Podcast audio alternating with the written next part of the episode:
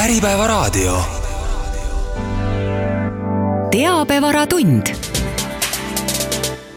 tere, head kuulajad, eetris on saade Teabevaratund. täna hakkame rääkima kaugtööst, uurime, millised õigused ja kohustused kaugtööga kaasnevad ning millisel juhul saab töötajaga sõlmida iseseisva otsustuspädevuse lepingu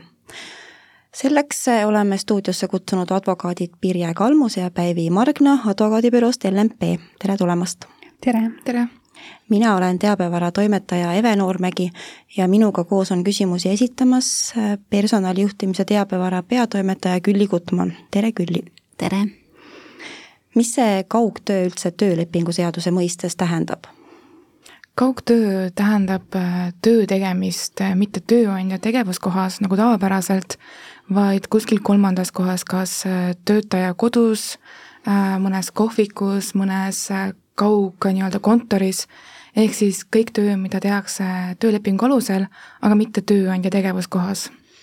jah, et see kaugtöö võibki olla näiteks see, et osad päevad tehakse kontoris tööd, osad päevad kodus ja võib-olla ka täiesti see, et inimene nii-öelda läheb talveks kuhugi täiesti välismaale ja ongi siis pool aastat kuskil endale meelepärases riigis ja teeb seal kaugtööd. kas kaugtöö tegemise võimalus peab kajastuma ka töölepingus? Ja töölepingu seadus näeb ette, et kõik kokkulepped peavad olema kirjalikud ja sealhulgas ka kaugtöö tegemise kokkulepe. et kui tööandja soovib, et töötaja teeb kas kogu töö või osalise töö kaugtööna, siis peaks olema kirjalikult töölepingus kajastatud. see nüüd muidugi ei tähenda, et kui see ei ole kirjalikult, et siis ilmtingimata ei oleks kaugtöö lubatud, aga töölepingu seaduse mõttes peaks ikkagi olema kirjalik kokkulepe ja kuidas seda kirjalikku kokkulepet teha, noh, siin ongi nüüd erinevaid variante. üks variant on see, et kui töötaja alles tuleb tööle, siis juba kohe töölepingusse pannakse kirja, et on võimalus teha kaugtööd ja siis on kohe algusest peale töötaja sellest teadlik Äh, kindlasti võib olla ka variant, kus töötaja teebki tööd ainult kaugtööga, kuigi see, see ei ole nii tavapärane. Ja variant on ka selline, et tegelikkuses on töötajal juba staaži päris palju, varem ei ole kaugtööd võimaldatud, aga nüüd kogu selle nii-öelda viimaste aastatega on see kaugtöö saanud väga populaarseks ja siis on tööandja ja töötaja kokku leppinud, et, et kas on vaja teha või võimaldatakse kaugtöö tegemist. et noh, sel juhul on ka erinevad variandid et kas teha siis see tööleping täiesti uuesti, panna sinna see kaugtöö võimalus sisse, sõlmida näiteks töölepingu lisa kirjalikult, kus siis lepitakse kokku, et saab kaugtööd teha. Või siis noh, kui sellist nii-öelda korrektset kirjalikku töölepingus kokkulepet ei ole, siis tegelikkuses ajab selle asja ära ka e-kirja teel või siis mingid muud nii-öelda taasesitatavad kokkulepped, kust tuleb välja see, et, et pooled on selles kokku leppinud ja et pooled nii-öelda mõlemad on nõus sellega mm. -hmm. aga miks see võiks olla kirjalik just, kas või siis e-kirja teel või SMS-i või noh, mingil muul kirjalikul viisil, on just see, et kui pooltel tekivad äh, küsimused või probleemid äh, oma ülesannete, kohustuste osas, et oleks võimalik pooltel selgelt aru saada, et milleski kõik kokku lepiti. ja hiljem on ka tööandjal äh, oluliselt kergem nii-öelda tõendada, et milles siis, mis olid töötaja kohustused ja kuidas kaugtööd tegema pidi kui töötaja soovib tööandjalt äh, kaugtööd, kas siis tööandja on kohustatud talle seda võimaldama? et tegelikkuses ei ole, et see kaugtöö on pigem võimalus, see ei ole kohustus. Et äh, ta ongi ette nähtud nii-öelda noh, võimalusena, et kuidas seda töösuhet paindlikumaks muuta ja see kaugtöö tegelikkuses kõigile ka ei sobi. et on ju teatud ametikohta, mida ei saa kindlasti kaugtööna teha ja siis on teatud ameteid, mida on võimalik teha ja on teatud ameteid, mida on osaliselt võimalik teha et, et kaugtöö tegemist kindlasti töötaja nõuda ei saa ja igal tingimusel tööandja seda võimaldama ei pea. Et äh, tulekski üle vaadata see, et kas sellel ametikohal on võimalik kaugtööd teha, kas see on tööandjale sobilik ja kas see on töötajale endale sobilik. mil määral allub kaugtööd tegev töötaja tööandja juhtimisele ja kontrollile? kaugtöö on selles mõttes ikkagi tavapärane töö tegemine, lihtsalt äh, töö tegemise koht on erinev nii-öelda tavapärasest töö tegemisest ehk siis äh, ka kaugtööd tegev töötaja allub tavapäraselt, nii nagu tööandja tegevuskohas töötav töötaja, tööandja korraldustele ja juhenditele ja reeglitele. et äh, selles osas mitte midagi ei muutu ja kaugtööd tegev töötaja peab samamoodi olema kättesaadav, täitma töökohustusi ja ülesandeid, nii nagu on kokku lepitud et siin jah, mida tuleks veel tähele panna, on see, et noh, sisuliselt see kaugtöö on täpselt sama asi nagu tavaline töö tegemine, lihtsalt mitte selles tavapärases töökeskkonnas. et kõik, kõik need nii-öelda tööandja juhtimisele, tööandjale kontrollile allumised on täpselt samad nagu tavalisel töötajal et äh, siin äh, tegelikkuses see töötaja peabki olema siis kogu tööaja vältel tööandjale kättesaadav, et see kaugtöö tegemine noh, kindlasti ei ole selline asi, et et ma lähen nüüd koju, võtan pool päeva vabaks ja siis vaatan, teen oma asjad ära. et kui on ette nähtud, et on vaja telefonile vastata, meilidele vastata, siis seda tuleks nagu töö ajal teha, nii nagu tavapäraselt kontoriski. et juhul, kui meil on kontoritöötajad. ja siin äh, kindlasti, mis tuleks siis töötajal ja tööandjal veel omavahel läbi mõelda, ongi võib-olla seesama, et, et kuidas sellel konkreetsel ametikohal seda kaugtööd korraldada. et eh, mida peab siis töötaja tegema, mis eh, programmide kaudu ta peab kättesaadav olema, kas ta peab telefonile vastama, eh, võib-olla samamoodi, et millal tal need pausid on ette nähtud, noh, pausi ajal ilmselgelt ei pea siis nii-öelda tööd tegema, eks ole, et kui paus on, paus on töötajale ette nähtud aga jah, töötaja peab samamoodi kaugtööd tehes ka järgima kõiki tööandja sise-eeskirju, töö tegemise eeskirju, kui tal on mingisugused andmekaitsenõuded, siis neid tuleb järgida. et noh, võib-olla siinkohal jällegi hea näide on see, et kui, kui töötaja otsustab kohvikus teha kaugtööd, et siis seal see andmekaitse võib olla suhteliselt oluline, et ei saa ju nii-öelda arvutiekraanilt vaadata mingeid isikuandmeid või delikaatseid isikuandmeid, kus ei ole tagatud see, et nad ei oleks võõrastele inimestele kättesaadavad et äh, järgida tuleb kõiki neid nii-öelda tavapäraseid reegleid ja eeskirju. ja ma arvan, et siin äh, tulebki välja selle kirjaliku kokkuleppe olulisus, et äh, töötajal oleksid teada need kaugtöö tegemisega kaasnevad kohustused, muuhulgas lisaks sellele võimalusele ja õigusele olla nii-öelda kodus, et äh, töötaja samamoodi teaks, mis, äh, et see ei ole lihtsalt tõesti see võimalus minna koju ja siis pool päeva diivanil pikutada, vaid sellega tegelikult kaasnevad ka kohustused temale kui töötajale. ja et seetõttu tasukski just kirjalikult kokku leppida, et see oleks kõik varakult teada no paljudel kindlasti ei ole kodus äh, kontorisisustust et võib-olla istuvadki diivani peal ja, ja teevad äh, sülearvutiga tööd, et äh, kuidas tööandja peaks ja, ja kas ja millisel määral peaks tööandja katma töövahendite ja kodukontori sisustamisega seotud kulud? see kõik sõltub nüüd sellest, et äh, mis tingimustel sinna kaugtööle minnakse. kui kaugtööle minnakse põhjusel, et tööandjal ei ole võimalik näiteks seda töötajat lasta tööle kontoris, näiteks pole tööruume või piisavalt äh, kabinette, laudasid ja see on nii-öelda tööandjast tulenev põhjus, miks minnakse kaugtööd tegema, siis on äh, tööandja kohustus sisustada ka kontor, äh, soetada vajalikud tarvikud, arvuti, laud, tool, vahetusel printer, mis iganes on vajalikud selle konkreetse töö tegemiseks. kui nüüd kaugtööle minnakse põhjusel, et töö, töötaja ise soovib vaheldus, vaheldust, Äh, mõned päevad teha kontoris, mõned päevad kodus, äh, siis on juba oluliselt väiksem tööandja kohustus neid tarvikuid äh, töötajale tagada ja seal on pigem juba poolte kokkulepe, et palju siis tööandja tuleb vastu või mitte. et kui see on ikkagi puhtalt töötaja enda soov olla vahepeal ka kodukontoris ja teha kaugtööd ja samal ajal tööandja tegelikult võimaldab tal tööd teha ka kontoris, siis tööandja iseenesest ei ole kohustatud töötajale soetama uusi laude või toole, et oleks ka mugav kodukontoris tööd teha? Jah, tuleb seesama kokkuleppe küsimus, et äh, noh, palju sõltubki sellest, nagu igas asjas, töötaja ja tööandja koostööst, et kas see on mõlema huvi, kuidas äh, mõlemad seda nii-öelda kaugtööd ette kujutavad ja, ja reaalselt ka siis sellest töötaja noh, tööst ja võimalustest, et kas tal on absoluutselt igat asja sinna koju vaja või mitte et noh, mis kindlasti sinna kodukontori sisustamise kulud alla ei käi, on näiteks äh, puhkeruumi kulud. sest tööl tegelikkuses peab ju puhkeruum meil olema, samas kodus noh, töötaja ei saa tulla ütlema, et osta mulle uus diivan, et äh, mul oleks hullult head puhkeruumi vaja või, või soovin puhkeruumi uut telerit seina peale. et noh, päris nii see ei käi et ikkagi need äh, kodukontori kulud peaks olema sellised vajalikud töövahendid ja noh, siin äh, lisaks noh, üle peaks vaatama ka selle, et äh, lisaks töövahenditele näiteks kui on arvutiga töötamine, siis on ju erinevad programmid, kas nad seal kodus töötavad, kas on mingi kaugtugi, kuidas see suhtlus teiste töökaaslastega käib. et äh, vaatame üle, kas need programmid on olemas või mitte. ja mõnikord lausa lepitakse kokku, et kui inimene kodus töötab, siis ta teeb seal äh, neid ülesandeid enda koduarvutiga. aga sel juhul ka tasuks äh, nii-öelda koduarvuti kasutamine üle vaadata või kas siis nii-öelda IT-meeskonna poolt, et on see turvaline, kuidas ta pääseb tööandmetele ligi ja ega siis keegi tema nii-öelda arvuti kaudu kuidagi pahatahtlikult ei saaks midagi, midagi seal arvutis teha ja oluline on ka ilmselt märkida seda, et mitte ainult ei pea tööandja, kui ta on kohustatud kodukontorit sisustama, soetama need vajalikud seadmed, vajalikud toolid, mööbel ja nii edasi, vaid ta on kohustatud ka tõestama vajadusel hooldust, selle ise paigaldama, eriti näiteks arvutitarkvarade puhul või muu tehnika puhul, et siis tööandja kohustus on ka jälgida, et see nii-öelda töötajale antud vara töötaks hästi ja toimiks pikema aja jooksul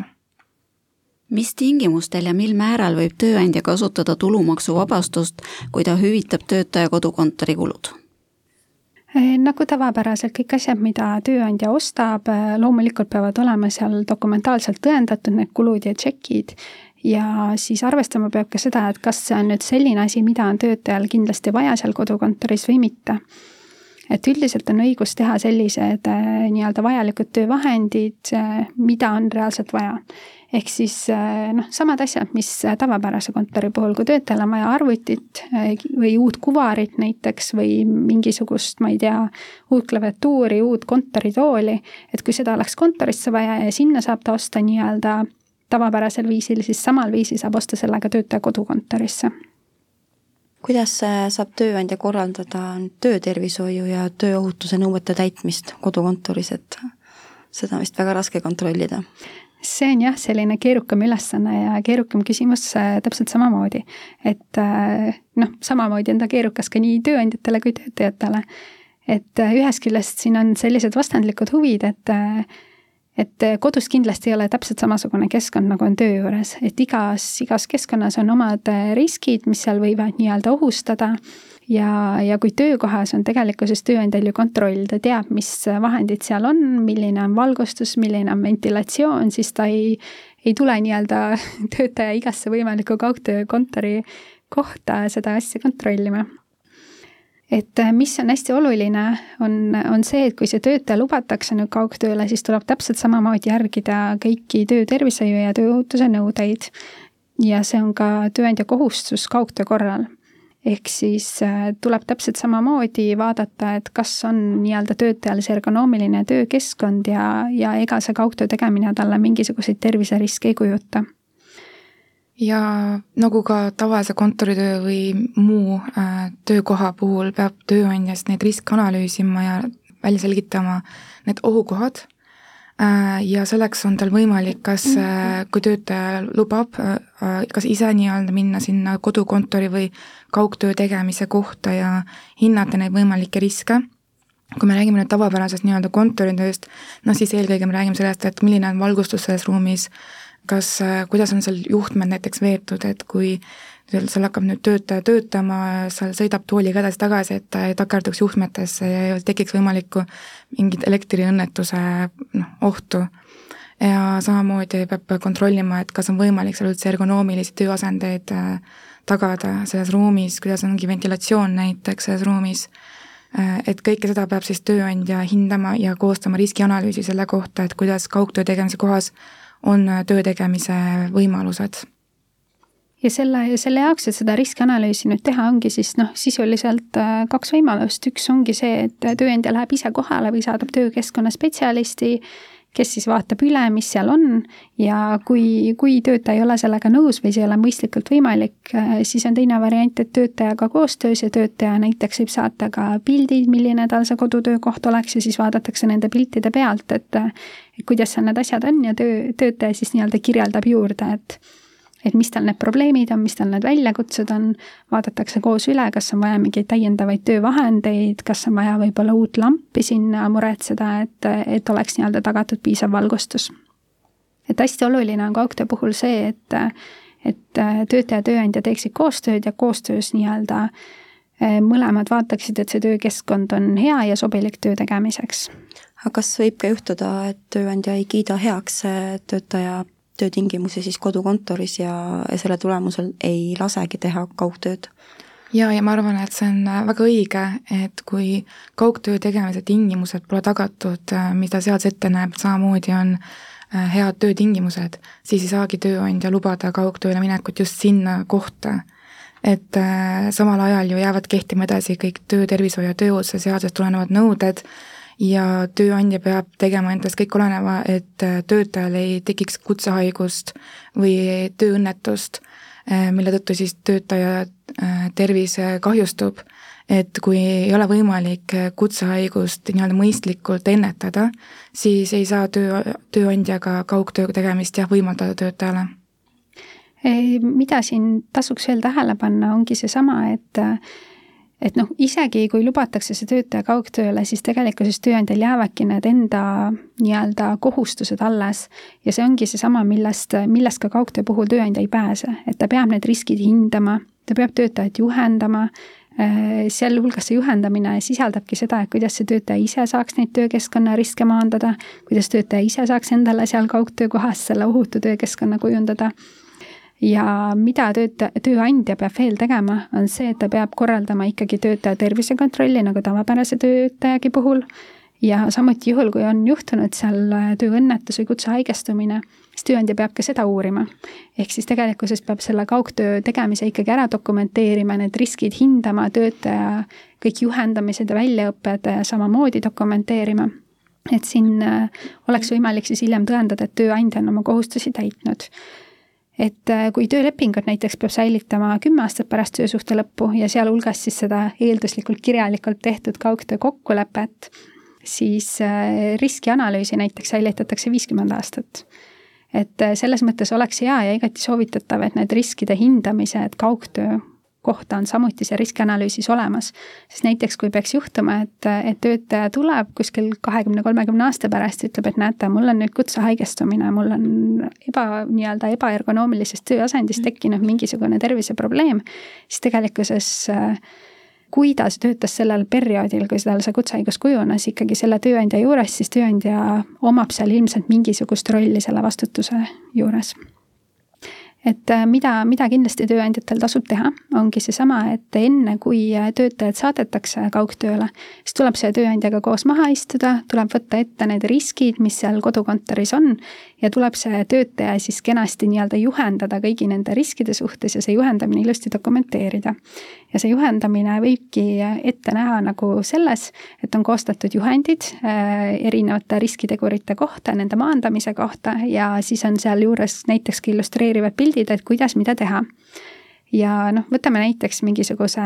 ergonoomilise tööasendi, näiteks arvutiga töötamisel. et eh, siin võibki teha kirjelduse, eh, juhendaja peaks siis selle nii-öelda töötajale selgeks tegema, kuidas ta seal arvuti taga istuma peab, mis kõrgusel on kuvar, mis nurga all tal põlved on, kuidas ta siis nii-öelda oma randmeid hoiab ja siis pärast võibki töötajalt küsida nii-öelda tagasisidestada, et, et palun kirjelda, kuidas sa enda tooli seadistad või millises asendis sa istuma pead. ja võib isegi lasta tal näidata näiteks, et oletame, et see on sinu töökoht, pane endale asjad paika.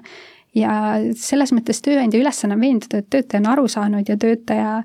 nii-öelda teab, mida ja kuidas ta peab tegema, et tal oleks see ohutu töökeskkond ja kui tööandjale selle juhendamise tulemusena selgub äh, või jääb nii-öelda kahtlus, et kas töötaja ikka sai aru, siis pigem ei tasuks töötajat lubada sinna kaugtööle või siis korraldada täiendav juhendamine aga kuidas peaks tööandja toimima siis, kui töötaja teeb kaugtööd eri kohtadest? no tööandja, nüüd sõltub, kui palju neid erikohtasid on, et kui need on ikkagi selline mõistlik arv, noh, kaks-kolm mm, siis tuleks lähtuda nii, nagu, nagu me varem selgitasime, et need kõik kohad siis nii-öelda eraldi läbi analüüsida, need riskid hinnata, töö, töötajale selgitada neid võimalikke ohtusid, et kuidas nendes konkreetsetes kohtades töötades äh, tuleks toimida ja kuidas neid äh, töövõtteid kasutada. aga kui me räägime nüüd äh, olukorrast, kus neid kohti on noh, rohkem kümme, kakskümmend, võib-olla tööandjale pole teadagi tegelikult äh, kohtade arvu, et et palju need varieeruvad. ehk siis äh, see ei tähenda, et kaugtööd äh, teha ei oleks võimalik, aga sellisel juhul tuleks tööandjal töötajale need riskid võimalikult ikkagi üldiselt ja laialt ära selgitada ja võib-olla mitte siis keskenduda nii konkreetselt selle töö tegemise kohale, vaid selle konkreetse töö tegemisega kaasnevate riskidele. et kui isik töötab kuvariga, oletame, et ta on selline klassikaline kontoritöötaja, siis olenemata sellest kohast, kus ta töötab, peab isik, töötaja olema teadlik nendest ohtudest, mis kaasnevad tööga kuvariga. noh, ongi eelkõige äh, nii-öelda suur surve silmadele, need sundasendid, õlad on pinges, randmed et, et kuidas neid töövõtteid kasutada, et tööasend oleks ergonoomiline ja töötaja oskaks siis olenemata sellest kohast, kus ta parasjagu tööd teeb, neid võtteid kasutada ja hinnata neid ohte, mis tulenevad ka sellest konkreetsest töökohast. et sellisel juhul tulebki lihtsalt tööandjal olla piisavalt põhjalik ja anda niisugused üldised äh, suunised töötajale, et ta suudaks ise sellest töökeskkonnast äh, võtta nii-öelda, ise hinnata neid ohte ja siis äh, teha nii, et tema töö tegemine oleks võimalikult ohutu jah, selles mõttes nõustun Päiviga, et, et see ei ole võimalik, et tööandja läheb absoluutselt igasse kaugtöö tegemise kohta. noh, mõnikord ongi, töötajal tuleb ette, üks päev teeb rongis tööd, teine päev ühes kohvikus, kolmas päev kolmandas kohvikus, siis läheb kuhugi raamatukogusse, läheb kuhugi enda suvekoju. et see ei ole mõistlikult võimalik, et tööandja käib ja hindab kõik kohad läbi või, või siis näiteks ka see juhtum, kus inimene ongi otsustanud enda kodukontorit teha näiteks kolm kuud kuskil teisel pool maailma. et tööandja ilm, ilmselgelt ei saa sinna kaasa lennata ja hakata seda kodukontorit seal kaardistama. et äh, sel juhul, nagu Päivi ütles, tuleks need analüüsid kaardistada, äh, panna siis sellest töö iseloomust tulenevalt üldiselt kirja ja tuuaski näiteks välja kõik need võimalikud nii-öelda peamised ohutegurid ja veenduda, et tööandja või et tööandja on töötajad nendest juhendanud ja töötaja on nendest aru saanud ja oskab siis neid riske maandada. et üks ohutegur, millest me ei ole siin väga veel rääkinud, aga mis siis tihti tegelikkuses kaasneb äh, nii-öelda kaugtööga, on ka psühhosotsiaalsed ohutegurid. et äh, see on nüüd eh, tegelikkuses hästi oluline kaugtöö puhul, kuna kaugtööl üldiselt on töötaja üksinda kodus, et, et seal nii-öelda see tavapärane töökeskkonna suhtlus on jäänud kõrvale, et ka see on asi, millest tuleks töötajaid teavitada ja öelda, kuidas neid riske võiks maandada. Teistpidi üksinda kodus olekule on tihtipeale töötajatel ka väiksed lapsed kodus, et kuidas, kas tööandja saaks kuidagi ka siin aidata no nii nagu siin jällegi tuleb äh, rõhutada seda, et ega kaugtöö tegemine, kui töötaja teeb kaugtööd, ega ta ei muutu kuidagi teistsuguseks töötajaks või mingiks eri, eri liiki töötajaks, ta on ikkagi samamoodi töötaja nagu iga teine, ta on võrreldav selle isikuga, kes käib kontoris tööd tegemas,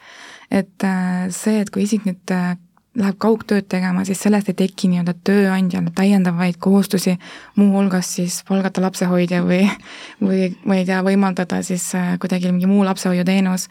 et see on äh, töötaja enda tegelikult otsustada, et äh, ta peab seda hindama, kas see on üldse töövõime, töö tegemine üldse võimalik selliselt, kui tal on lapsed kodus. ja, ja see tuleb muidugi ka riskianalüüsis ilmselt välja, et see müratase, pidev nii-öelda ikkagi teatud selline segav faktor seal töökohas on, et kas seal üldse annab seda tööd teha. ja kui tööandja näeb, et tegelikult sellises keskkonnas ei ole võimalik tööd teha kvaliteetselt, nii et töötaja ei peaks keskenduma kogu aeg kolmandatele asjadele, siis äh, tegelikult tööandja ka ei tohiks võimaldada seda kodukontori või kaugtöö tegemise võimalust sellisest kohast jah, kuigi nii võttes on see hea küsimus, et äh, iseenesest, kui sul on seal lapsed ümberringi nii-öelda jooksevad ja mürgeldavad, et äh, sel juhul on natuke need psühhosotsiaalsed ohutegurid ka maandatud, et ei ole seda üksinda töötamist, ei ole monotoonset tööd, pidevalt sul midagi toimub ümberringi, mingi action käib, et, äh, et selles mõttes jah, jällegi huvitav, aga mm, no mina näiteks arvan, et see sõltubki hästi konkreetselt sellest töötajast mm., kes seda kodukontorit soovib, et kui tööandja näeb selles riskianalüüsis, et jah, iseenesest risk on olemas, et need lapsed on lärm ja ja segav faktor äh, töö mõttes just, siis aga kui ta näeb sama, sama teiselt poolt, et äh, töötaja suudab sellega toime tulla, see ei takista kuidagi töö tegemist või töö kvaliteeti, siis noh, ilmtingimata see ei ole nii-öelda kaugtöö tegemist keelav faktor lihtsalt see kõik sõltubki sellest, et mis sellest riskianalüüsist siis välja tuleb, et kui suur risk see töö tegemisele justkui nagu on et äh, arvestama peaks tegelikkuses ka seda, et kui äh, töötaja ise tunneb, et tal on seal kodus takistused või ta seal kodus ei ole näiteks nii produktiivne või ei tule oma ülesannetega toime samal viisil, kui ta tuleb kontoris toime, et äh, siis ta ise pöörduks tööandja poole ja annaks sellest märku. et alati on ju võimalik leppida kokku, et, et teha näiteks natuke vähem seda kodukontorit, et mõni päev kontoris, mõni päev kodus või kaugtööd, et ei pruugi alati kontor olla ja samamoodi ka, kui näiteks on tööandja vajaduses kaugtöö olukord tekkinud, et oletame, et tavapäraste pindudele on remont ja ainult nii-öelda mõni töökoht eh, saab sellel ajal seal olla, et siis tegelikkuses saab ju töötajatega läbi arutada, et kellel on see kodutöö nii-öelda tuleb paremini välja ja kellel natuke halvemini. et kes mida eelistab, kõik inimesed on ju erinevad, töötajad on erinevad, et eh, ilmselt eh, nii-öelda koostöös saab need asjad lahendada, et kes kui palju siis kodus teeb, kes on ainult kontoris, kes on ainult kodus ja kuidas inimestele sobib. jah, et tasub üle rõhutada, et kodutöö tegemine toimub poolte kokkuleppel. et seda ei saa tööandja ühelt üksinda nii-öelda peale suruda ja seda ei saa töötaja nõuda üksinda. et see toimub alati poolte kokkuleppel. jaa, just natuke rääkisime juba ka psühhosotsiaalsetest ohuteguritest, et siin mainiti üksindust ja ka lapsed tulid mängu, et aga kas neid ohutegureid on veel ja, ja kuidas tööandja peaks nendele tähelepanu pöörama? Jaa, tegelikult neid ohutegureid on äh, veel ja ma võib-olla tsiteeriks siis äh, seaduses, et äh, need on õnnetus ja vägivallaohuga töö, ebavõrdne kohtlemine, kiusamine ja ahistamine tööl, töötaja võimetele mittevastav töö, pikaajaline töötamine üksinda ja monotoonne töö ning muud juhtimise, töökorralduse ja töökeskkonnaga seotud tegurid, mis võivad mõjutada töötaja vaimset, füüsilist tervist, sealhulgas põhjustada tööstressi et äh, tegelikult jah, see psühhosotsiaalsete ohutegurite ring on palju laiem kui ainult see, et äh, töö, kodukontoris või kaugtööd tegev isik äh, ei oma nii-öelda nii palju kontakte enam kaaskolleegidega või et töötab päev otsa, olles üksinda. et tööandja riskianalüüsi puhul peab hindama tegelikult jah, nende kõikide seda laia, laia ringi psühhosotsiaalsetest ohuteguritest, sealhulgas tagama, et kui isik läheb kaugtööle, kas kodukontorisse või kui kolmandasse kohta, et äh, teda ei koheldaks siis ebavõrdselt äh, teiste töötajatega, ta oleks endiselt tagatud äh, näiteks need klassikalised koosolekud, kokkusaamised, tööüritused, mis muidu kodu, kontoris käijatele on pidevalt tagatud. Et seal tuleb ka ilmselt selle töötajaga hästi läbi rääkida ja, selgitada neid ohutegureid, et mida kaugtöö tegemine võib kaasa tuua. Et äh, noh, suure tõenäosusega kaugtöö muidugi võib-olla äh, see ahistamist tööl äh, noh, või üldse need psühhosotsiaalsed ohutegurid ilmtingimata ei võimenda, välja arvatud see, et pikaajaline töötamine üksinda, küll aga võib-olla see on jälle hea võimalus töötajal ja tööandjal neid hinnata ja ka seni olevad probleemid, mis muidu kontoris on, läbi arutada ja analüüsida, et kuidas saaks teha teisiti. Et igal juhul tuleb neid hinnata ja analüüsida, jah. Ja kindlasti siin on oluline ka seesama, et, et võib-olla kui muidu ei olnudki väga palju neid nii-öelda kolleegide vahel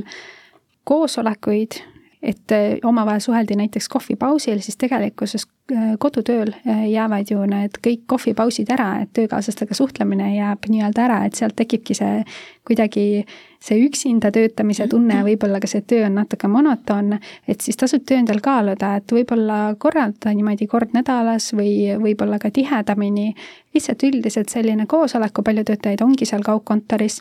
ja võttagi töötajad kokku, küsidagi, kuidas neil läheb, mis on nende mured, millega, ma ei tea, ettevõte parasjagu tegeleb, mis on suuremad ülesanded ees. Ja, ja küsidagi kõigilt, et kuidas neil läheb ja nii-öelda, et töötajad saaks omavahel suhelda, et neil säiliks see meeskonna ja see nii-öelda ühtse, ühtse meeskonnatunne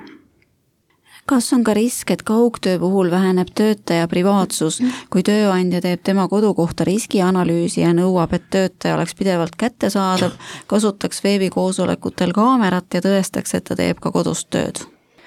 no ma pigem väidaks, et äh, ei vähene töötaja privaatsus, et äh, kui alustada sellest esimesest poolest, mis puudutab riskianalüüsi tegemist,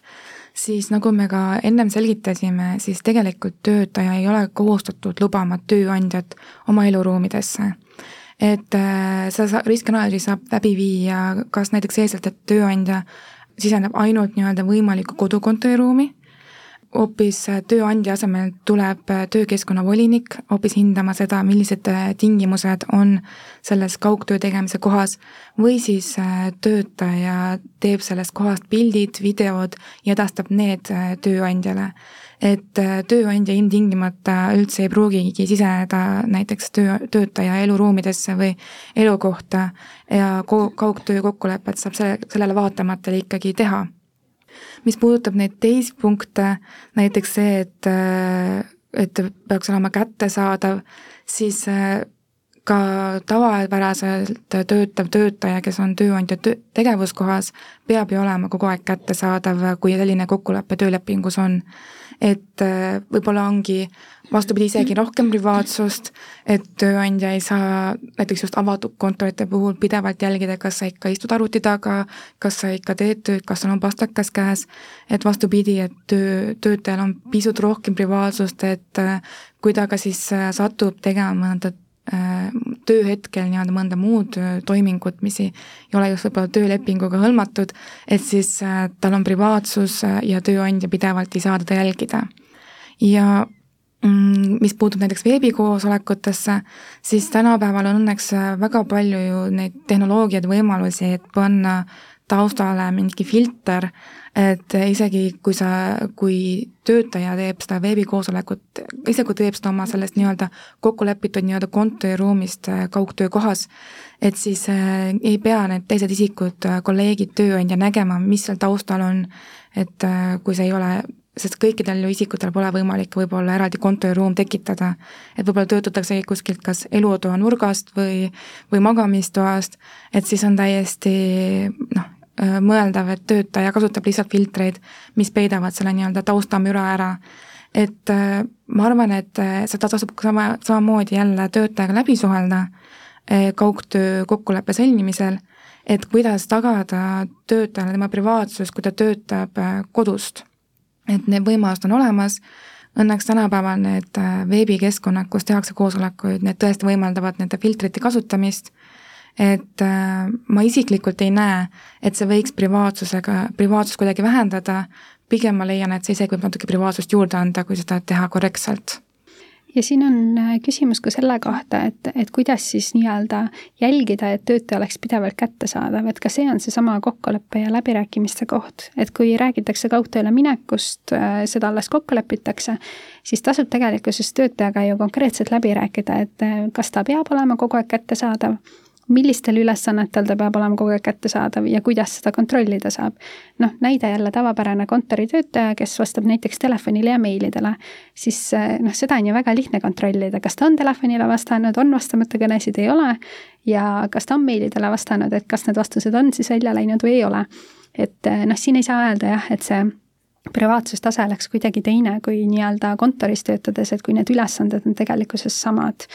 et mm. äh, noh, mina näen ka täpselt samamoodi, et töötaja peaks olema sama palju kättesaadav, kui ta on kontoriski, et lihtsalt ainuke vahe on see, et kui kontoris saab iga hetk sulle keegi uksest sisse astuda, siis kodukontoris ei saa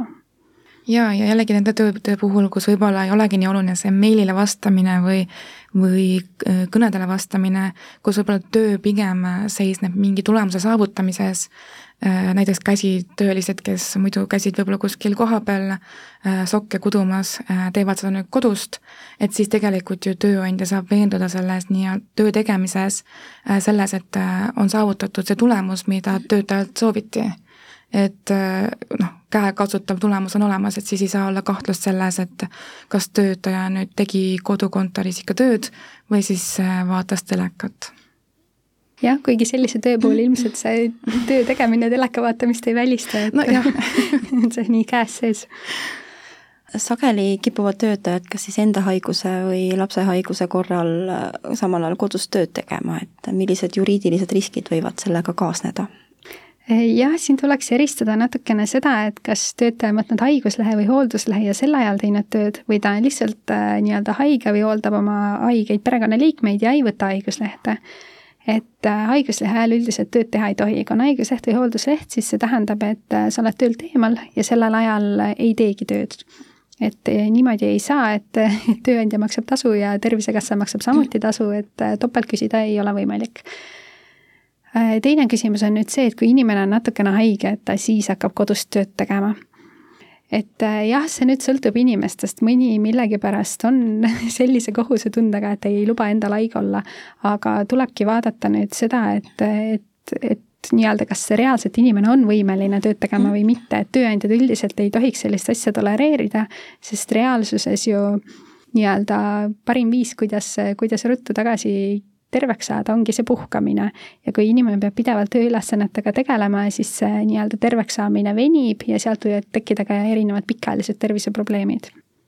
jaa, et äh, selle esimese näite puhul nüüd, kus töötaja on ikkagi võtnud kas haiguslehe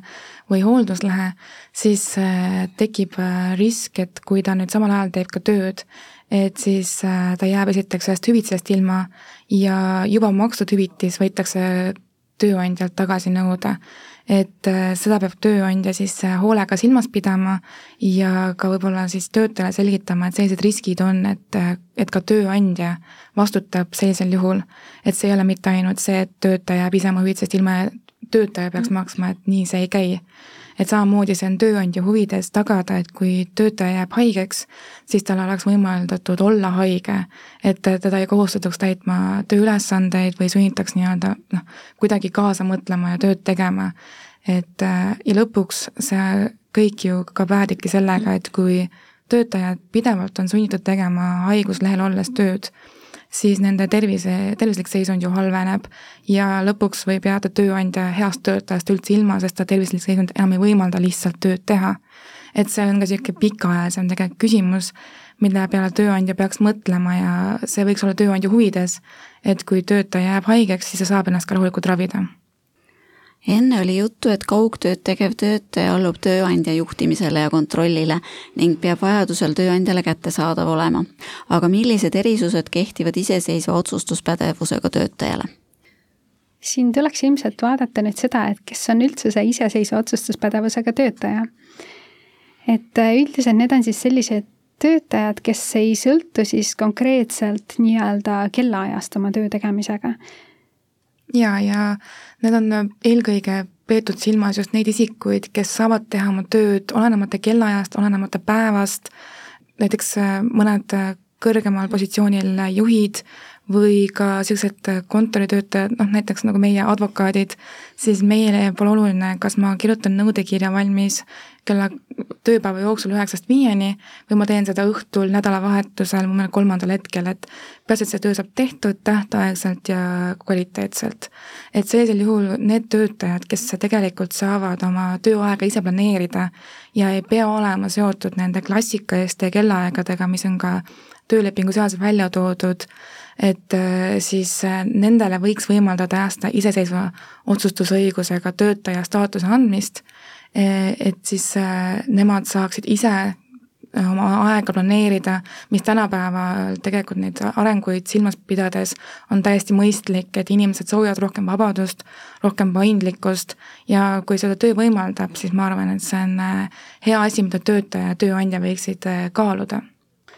jah, ja mida see sisuliselt tähendab, tähendabki siis seda, et töötajale ei kohaldu need tavapärased tööaja korralduse ja valveaja regulatsioonid, öötöö regulatsioon ning igapäevase iganädalase puhkeaja piirangud ehk siis äh, noh, sisuliselt ongi see, et töötaja võib teha seal tööd, kui talle sobib, teebki näiteks pärast kella kümmet õhtul, aga ta ei saa nagu hakata nõudma neid nii-öelda öötöötaja hüvesid või siis äh, kui töötaja otsustab, et ta teeb enda näiteks tõlketöö ära riigipühal, sest äh, noh, talle see isiklikult väga hästi sobib, et äh, tahab teine päev midagi muud teha, siis ta ei saa selle eest nõuda nii-öelda topelttasu, et ta riigipühal töötas et äh, selles mõttes ta on ka tööandja huvides, et võib-olla töötaja on ise motiveeritum, saab natuke rohkem paindlikult oma tööaega kujundada ja tööandjale on ta selles suhtes soodne, et tööandja ei pea seal nii rangelt järgima seda, et kas nüüd töötaja puhkas, ega ta nüüd öösel ei tööta, ega ta nüüd riigipühal ei tööta. et selles mõttes on see mõistlik aga vaatamata sellele nii-öelda paindlikule tööaja korraldusele, tegelikkuses see töötaja allub täpselt samamoodi töötaja juhtimisele või tööandja juhtimisele, tööandja kontrollile ja kui on vaja, siis töötaja ja tööandja saavad ju kokku leppida selles, et töötaja näiteks on kohustatud osalema ikkagi teatud koosolekutel või teatud kohtumistel ja kindlasti on sellistel ülesannetel, mis töötaja peab täitma, ka mingid tähtajad, et kui need asjad on tähtaegselt tehtud, miks mitte? Mm, ja me küll mainisime, et äh, nii-öelda see puhkeaja regulatsioon ei kohaldu, see ei tähenda, et, äh, et siis sellisel juhul töötaja võib ja on kohustatud tööd tegema mm. näiteks äh, kümme tundi päevas või, või rohkem. et seda tuleb ikkagi jälgida, et töötajal oleks tagatud ka ikkagi puhkeaeg, lihtsalt see ei pea olema sellised nagu tavapäraselt tööleping kokku lepitud, vaid see on samamoodi nagu tööaega saab siis töötaja ise planeerida, saab ta oma ka puhkeaega planeerida aga lihtsalt tuleb ikkagi läbi vaadata, et ja võib mõelda, et see puhkeaeg oleks samamoodi tagatud, et ei tekiks olukorda, kus siis töötaja justkui tunnetab, et ta on kakskümmend neli seitse tööl. et seda olukorda ka tekkida ei tohi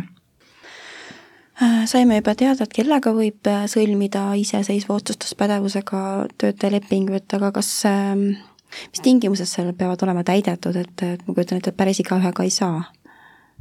Äh, just päris igaühega ei saa, äh, sellise iseseisva otsustuspädevusega töötaja kokkuleppe saab sõlmida sisuliselt ainult sellise töötajaga, kellel esiteks on selline iseseisev otsustuspädevus ja teiseks, äh, kelle töötasu ühes kuus on siis vähemalt Eesti keskmine brutokuupalk. et see seab nii-öelda olulised piirangud töötajate arvule, kellel see üldse võiks kohalduda samuti selline kokkulepe peab olema kirjalikus vormis, see tähendab, et äh, peavad all olema mõlema poole allkirjad või digiallkirjad. ja samamoodi nagu äh, kaugtöö tegemise puhul, et kui juba varem on tööleping olemas, siis võib selle sõlmida nii-öelda töölepingu lisana, et ei pea täiesti uut töölepingut tegema. ja võib-olla tasuks siin üle mainida see, et, et iseseisva otsustuspädevusega töötaja äh, ei tähenda seda, et see töötaja peaks tegema kaugtööd et äh, see isik võib käia ka ikkagi kontoris tööl, lihtsalt ta tuleb ja läheb, kuna ta soovib ja, ja ta on oma nii-öelda töö planeerinud. et äh, need ei käi nii-öelda käsikäes, et siis, kui sa oled iseseisva otsustuspädevusega töötaja, et siis sa pead ilmtingimata tegema ka kaugtööd. mis muidugi ei tähenda, et ei võiks, aga see nii-öelda ei ole seotud omavahel kas ka iseseisva otsustuspädevusega töötajale kehtivad töötervishoiu ja tööohutuse seadusest tulenevad nõuded? Jaa, ma arvan, et siin natukene kordame ka kaugtöö puhul äh, nii-öelda välja käidud mõtet, et et kui isik on äh, kaugtööl või iseseisva otsustuspädevusega töötaja, siis see ei tähenda, et ta kuidagi muutuks eriliseks töötajaks. et tema puhul kehtivad samamoodi edasi kõik õigused ja kohustused Eh, mis tulevad töölepingu seadusest ja töötervishoiu ja tööohutuse seadusest. ja samamoodi tööandjale säilivad kõik kohustused tagada ohutu töökeskkond, eh, ergonoomilised eh, töövõtted ja nii edasi. et nagu ma mainisin ka just siis, iseseisva otsustuspädevusega töötaja ilmtingimata ei või pea tegema kaugtööd. ehk siis ta suure tõenäosusega võib-olla käibki kontoris tööd tegemas ja seal niikuinii tööandjal tuleb tagada, et äh, riskid oleksid maandatud, oleks tehtud esialgu ka riskianalüüs, et millised ohud üldse äh, töö tegemisel võivad töötajat ohustada, et et sellised töötajad ei ole jah, kuidagi erilised või erinevad tavapärasest isikust või töötajast, kes käib igapäevaselt tööandja tegevuskohas et neid tuleb samamoodi võrdselt kohelda ja samamoodi tagada ohutud töötingimused. jah, lisaksin võib-olla Päivi mõttele ainult selle juurde, et noh, nagu ka Päivi tegelikkuses juba mainis, et tööandja peab siis veenduma, et see kokkulepe ei ole kuidagi töötajat kahjustav. Ja kui äh, tööandjale tundub äh, või töötajale näiteks tundub, et ta ongi kakskümmend neli seitse tööl, et tal ei olegi kindlat tööaega, et on näha, et tegelikkuses see korraldus ei sobi, siis selle iseseisva otsustuspädevusega töötaja kokkuleppe saavad mõlemad pooled üles öelda, nii tööandja kui töötaja teatades neliteist päeva ette ja kõik jätkub vanal viisil lõpetuseks küsingi arvamust, et mis muudatusi võiks äh, tulevikus veel töölepingu seadusesse sisse viia, et et kaugtöö oleks äh, reguleeritud paindlikult, aga samas äh, nii töötaja kui ka tööandja jaoks õiglaselt? no ma arvan, mida me praegu ei kajastanud võib-olla, et me rääkisime küll seda, et kui töötaja läheb kaugtööle tööandjast tuleneval põhjusel, et siis tööandja on kohustatud sisustama kodukontori ja vajalikud äh, seadmed tagama töötajale. aga mida me ei rääkinud, on näiteks äh, võimalikud kommunaalkulud, mis tekivad äh, töö tööseadmete tarbimise, elektritarbimisega näiteks, või internetivajadus või kui tekib prügi või mis iganes, sellised nii-öelda kommunaalkulud, mis iga kontoriga nii-öelda justkui kaasnevad, et kuidas neid peaks hüvitama. et praegune arusaam on selline, et äh, pigem neid tööandja ei hüvita, sest et äh, töötaja jääb kokku transpordikuludelt, mida ta muidu kannaks, kui ta käiks kontoris tööl või tööandja tegevuskohas tööl aga see ei tähenda, et tegelikult pooled ei võiks ka nende hüvitamises kokku leppida. Ja kui on näha, et just töö tegemisest tõesti mingid kulud on oluliselt suuremad, kas interneti tarbimine on kõrgem või mõned muud kulud, siis seda võiks eh, proportsionaalselt töö tegemise ajaga ja muu ajaga, millal isik, eh, töötaja oma kodus seda internetti tarbib, siis seda proportsionaalselt võiks tegelikult tööandja võib-olla hüvitada. et sellised jooksvate kulude hüvitamine on praegu jäetud lahtiseks seaduses ja et võib-olla neid küsimusi võiks iseenesest paremini reguleerida just, et kuna need küsimused on lahtised, nad ongi natuke ebaselged ja tegelikult keegi täpselt ei tea, et mis ulatuses nende hüvitamine on okei okay,, mis ulatuses ei ole, mis ulatuses on täiendavad maksukohustused, et sellised küsimused võiks küll ära täpsustada. ja selle mõttega täna lõpetamegi, aitäh tulemast Äh, kaugtööst ja iseseisvast otsustuspädevusest leiate peatükiga personalijuhtimise teabevarast. minge kindlasti vaadake üle ja kohtumiseni jälle kahe nädala pärast. Pärast